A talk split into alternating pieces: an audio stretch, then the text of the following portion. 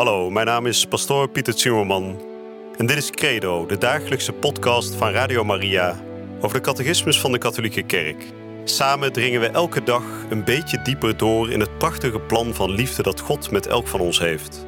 Laat je inspireren en ga met ons mee op deze avontuurlijke reis door het geloof.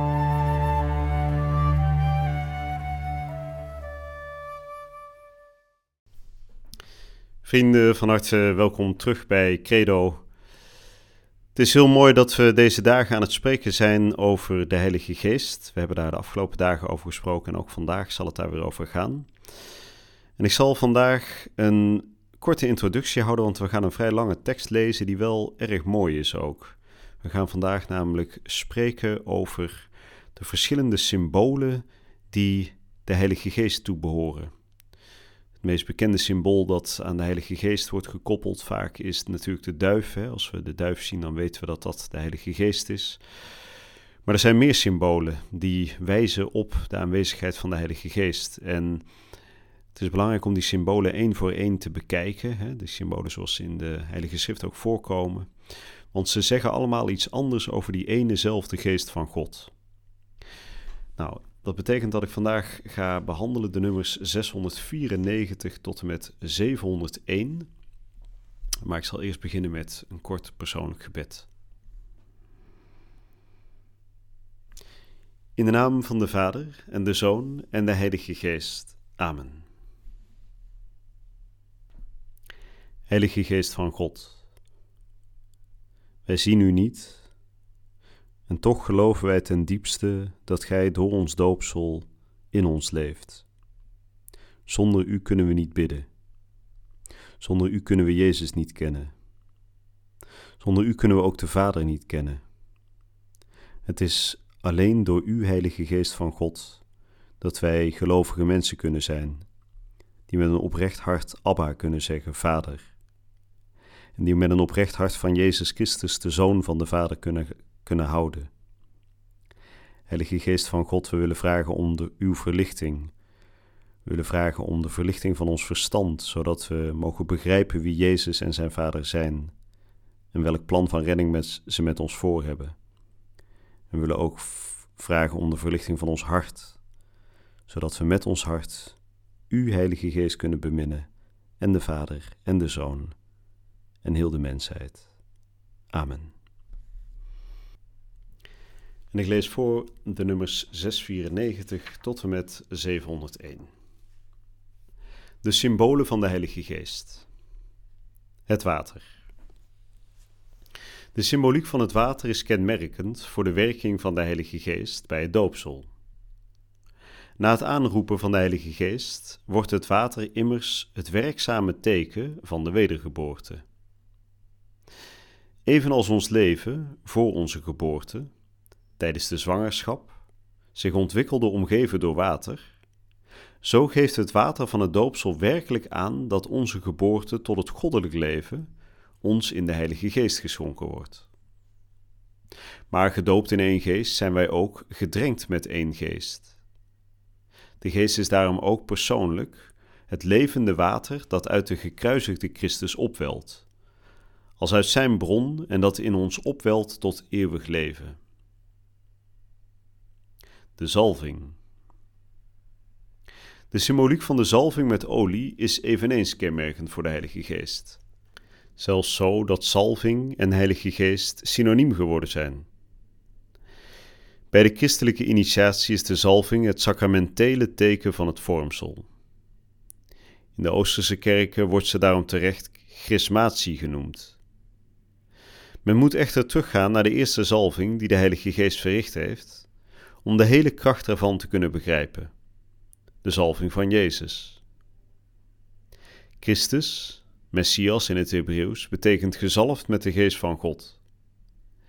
In het oude verbond zijn er gezalfden van de Heer geweest. Onder hen was koning David, de gezalfde bij uitstek. Maar Jezus is op een unieke manier de gezalfde van God, de menselijke natuur die de Zoon aanneemt, is in haar geheel gezalfd met de Heilige Geest. Jezus is Christus geworden door de Heilige Geest. De Maagd Maria ontvangt Christus van de Heilige Geest. Bij zijn geboorte kondigt de Heilige Geest door de engel hem aan als Christus en zet hij Simeon ertoe aan naar de tempel te komen om de gezalfde van de Heer te zien. Hij is het die Christus vervult en zijn kracht is het die van Christus uitgaat als hij genezingen verricht en hel brengt. Hij is het tenslotte die Jezus uit de doden opwekt. Dan stort Jezus, ten volle tot Christus aangesteld in zijn menselijke natuur, die over de dood gezegevierd heeft, de Heilige Geest in overvloed uit, totdat de Heilige in vereniging met het mens zijn van Gods Zoon te samenkomen, tot de volmaakte man, tot de gehele omvang van de volheid van de Christus, de gehele Christus, om een uitdrukking van de heilige Augustinus te gebruiken. Het vuur. Terwijl het water het teken is van de geboorte en de vruchtbaarheid van het leven, dat in de Heilige Geest geschonken wordt, symboliseert het vuur de kracht waarmee de werkzaamheid van de Heilige Geest veranderingen tot stand brengt. De profeet Elia, die opstond als een vuur en wiens woord brandde als een fakkel, laat door zijn gebed het vuur uit de hemel neerstorten op het offer op de berg Karmel. Het is een voorafbeelding van het vuur van de Heilige Geest dat al wat het raakt verandert. Johannes de Doper, die voor de, die voor de Heer uitgaat met de geest en de kracht van Elia, kondigt Christus aan als degene die met de Heilige Geest en met vuur zal dopen. De geest van wie Jezus zal zeggen: Vuur ben ik op aarde komen brengen en hoe verlang ik dat het reeds opleidt. Het is in de gedaante van tongen, van iets dat op vuur geleek, dat de Heilige Geest zich op Pinkstermorgen neerzet op de leerlingen en hen met zichzelf vervult. De geestelijke traditie zal aan deze symboliek van het vuur vasthouden als aan een van de sprekendste manieren om de werkzaamheid van de Heilige Geest tot uitdrukking te brengen. Blus de geest niet uit de wolk en het licht. Deze twee symbolen zijn onlosmakelijk met elkaar verbonden bij de manifestaties van de Heilige Geest. Vanaf de verschillende theofanieën in het Oude Testament openbaart de wolk, die nu eens donker, dan weer lichtend is, een levende en reddende God, en zij verhult daarbij het transcendente karakter van zijn heerlijkheid. In het geval van Mozes op de berg Sinaï aan die in de tent van samenkomst en gedurende de tocht door de woestijn. Evenals in het geval van Salomo bij de inwijding van de tempel. In de Heilige Geest brengt Christus de totale vervulling van deze voorafbeeldingen. Hij is het die over de maagd Maria komt en haar overschaduwt, opdat zij Jezus ontvangt en ter wereld brengt. Op de berg van de gedaanteverandering komt de Heilige Geest in een wolk, die een schaduw werpt over Jezus, Mozes, Elia, Petrus, Jacobus en Johannes.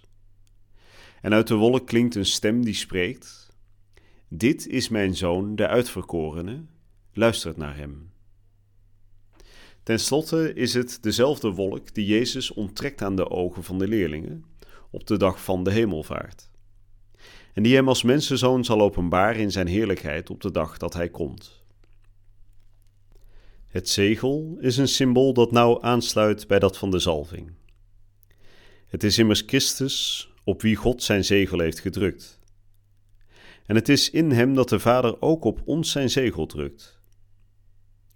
Omdat het beeld van het zegel, sfragis in het Grieks, wijst op de onuitwisbare uitwerking van de zalving met de Heilige Geest in de sacramenten van doopsel, vormsel en wijding, is het in sommige theologische tradities gebruikt om het onuitwisbare merkteken aan te duiden dat door deze drie sacramenten, die niet opnieuw toegediend kunnen worden, in iemand gegift wordt. De hand. Door handoplegging geneest Jezus zieken en zegent hij kleine kinderen. In zijn naam zullen de apostelen hetzelfde doen. Beter gezegd, het is door de handoplegging van de apostelen dat de Heilige Geest geschonken wordt. De brief aan de Hebreeën rekent de handoplegging tot de fundamentele onderdelen van zijn onderricht.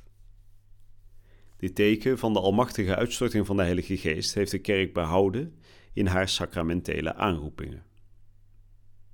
De vinger. Het is door de vinger Gods dat Jezus de duivels uitdrijft. Als de wet van God door de vinger van God op de stenen tafelen geschreven is, dan is de brief van Christus overgelaten aan de zorg van de apostelen, met de geest van de levende God geschreven, niet op stenen tafelen, maar in de harten van levende mensen. De hymne Kom Schepper Geest daalt tot ons neer, roept de Heilige Geest aan als de vinger van de rechterhand van de Vader.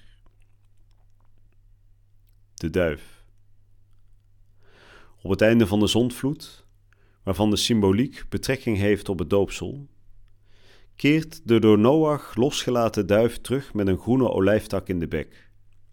Een teken dat de aarde opnieuw bewoonbaar is. Wanneer Christus uit het water waarin hij gedoopt is omhoog stijgt, daalt de Heilige Geest in de gedaante van een duif op hem neer en blijft in hem. De Geest daalt neer en rust in het gezuiverde hart van de gedoopte. In sommige kerken wordt de heilige eucharistische reserve bewaard in een metalen kistje in de vorm van een duif, het columbarium, dat boven het altaar opgehangen is.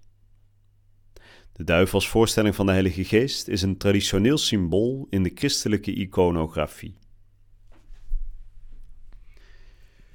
Nou, dat was het laatste stukje van de catechese voor vandaag. De symbolen van de Heilige Geest. Ik zal ze kort even noemen. Ik zal ze niet helemaal weer gaan verklaren. Dat hebben we net gedaan natuurlijk. Maar ten eerste dus het water. Hè, vervolgens de zalving, het vuur, de wolk en het licht, het zegel, de hand, de vinger en de duif. Dus al die symbolen die zeggen iets over de manier waarop de Heilige Geest werkzaam is in deze wereld. Ze zijn dus allemaal symbolen die in de Heilige Schrift worden genoemd om de Heilige Geest van God aan te duiden.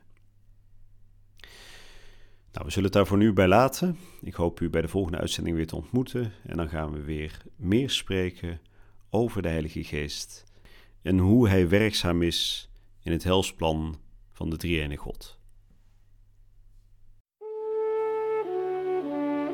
Je luisterde naar Credo, de dagelijkse podcast van Radio Maria over de catechismus van de Katholieke Kerk.